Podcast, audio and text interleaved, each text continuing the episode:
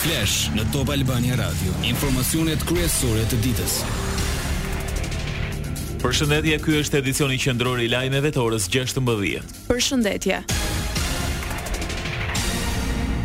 Qeveria po vijon me punën për të miratuar një ligj që do ta bëjë të detyrueshëm sigurimin e banesave nga tërmetet apo fatkeqësitë natyrore. Projektligji është në konsultim publik e për hartimin e plotë po jep ekspertizën edhe Banka Botërore.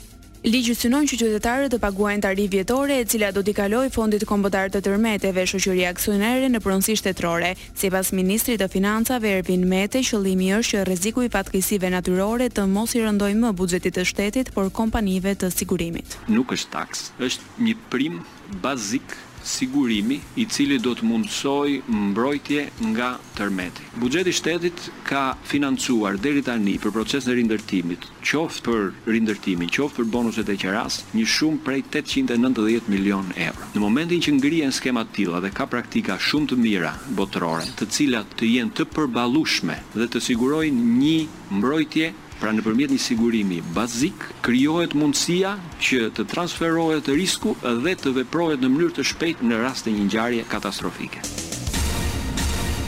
Për sigurimin e banesave nga tërmetet ende nuk ka vlerë konkrete sa i përket primit vjetor që do të paguhet, ndërsa pas miratimit të ligjit synohet që kjo të vendoset me një VKM, e cila përveç faktorëve të rrezikut do marrë parasysh edhe një sërë faktorësh të tjerë ekonomikë. Ligji do të përfshijë të gjitha banesat rezidenciale të legalizuara ose jo, ndërsa parashikohet se shteti do të mbulojë pagesën e primit për shtresat në nevojë.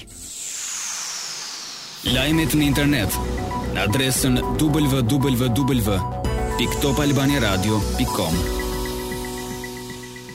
Në Londër, ministri britanik i Drejtësisë, Alex Chalk dhe homologu Ulsi Manja firmosën marrëveshjen për transferimin e të burgosurve shqiptarë për vijimin e vuajtjes së dënimit në burgjet në Shqipëri. Manja thotë se qëllim kryesor është rehabilitimi social i të dënuarve shqiptarë në Britani, duke i krijuar mundësinë e vuajtjes së pjesës së mbetur të dënimit në atdhe pranë familjeve. Zero kosto ka për shtetin shqiptar pasi në marrëveshje parashikohet se çdo ditë burg e të transferuarve nga burgjet britanike do të paguhet nga Britania. Në dy vjet Londra do të paguajë njëzet milion paund. Pritet transferimi i të gjithë shqiptarëve që kanë për të vuajtur më shumë se katër vite burg.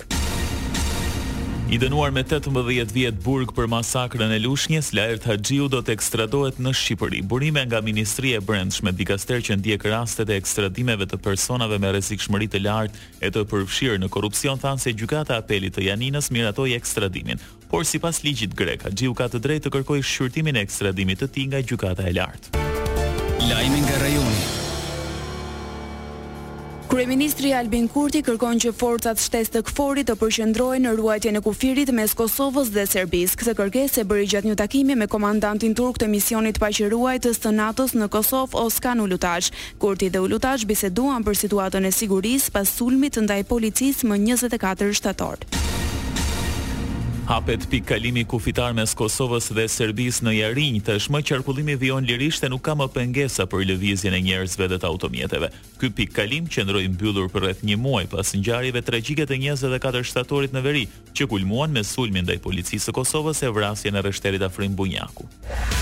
Lajme nga bota.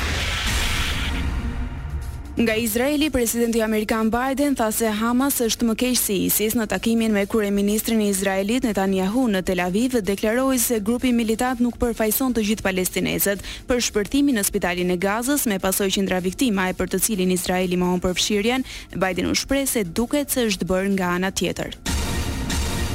Axhenda e vizitës së Bidenit në Izrael përfshin pjesëmarrje në mbledhjen e kabinetit të luftës nën drejtimin e Netanyahut, po ashtu një takim me anëtarë të familjeve të pengjeve amerikane që mbahen nga Hamasi në Gaza. Takim edhe me gruan nga qyteti Ofakim, e cila shpërqendroi terroristët që hynë në apartamentin e saj. Sulmin e shtatë tetorit Netanyahu e krahasoi me njëmbëdhjetë shtatorin dy mijë e një, datë që ka hyrë në histori pasi Amerika u sulmua nga terroristët e Al-Kaedës dhe rreth tre mijë persona gjetën vdekjen. Ndërkaq, ushtria izraelite përsëriti thirrjen drejtuar palestinezëve që të zhvendosen në jug të Rripit të Gazës, ku siç tha ndihmat humanitare ndërkombëtare do të shpërndahen sipas nevojave.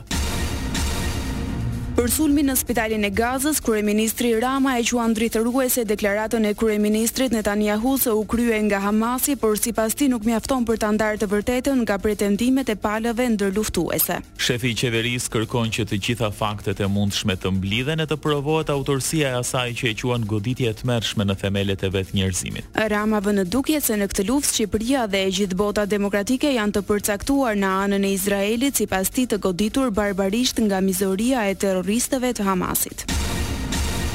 Brukseli kërkon verifikim të të gjitha fakteve dhe që përgjegjësit të dalin para drejtësisë lidhur me Gazën. Presidentja e Komisionit Europian Ursula von der Leyen tha se nuk ka asnjë justifikim për të shënjestruar një spital plot me civilë. Zyrtarja e lartë evropiane kërkoi të dyfishojnë përpjekjet për të mbrojtur civilët nga furia e kësaj lufte.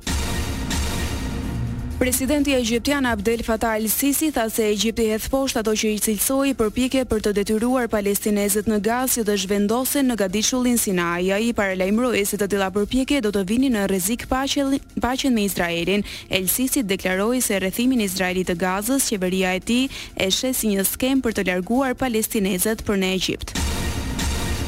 Ukraina po shqyrton mundësinë e fillimit të negociatave të paqes me Rusinë, kështu tha presidenti rus Putin sot gjatë një konference për shtyp, duke folur nga Pekini pas takimit me homologun kinez Xi Jinping.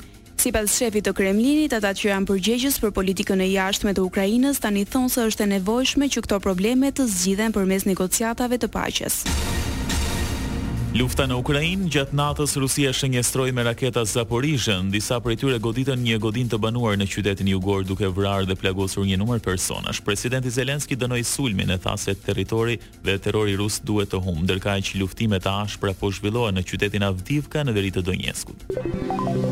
Parashikimi i motit. Për në vijim vendi ynë do të ndikohet nga mot kryesisht i vranët e me intervale kthjellimesh, po ashtu ka reshje shiu të herëpashershme me intensitet të ulët e deri në mesatar në relievet malore, temperaturat vijojnë nga katër deri në njëzet e dy gradë Celsius.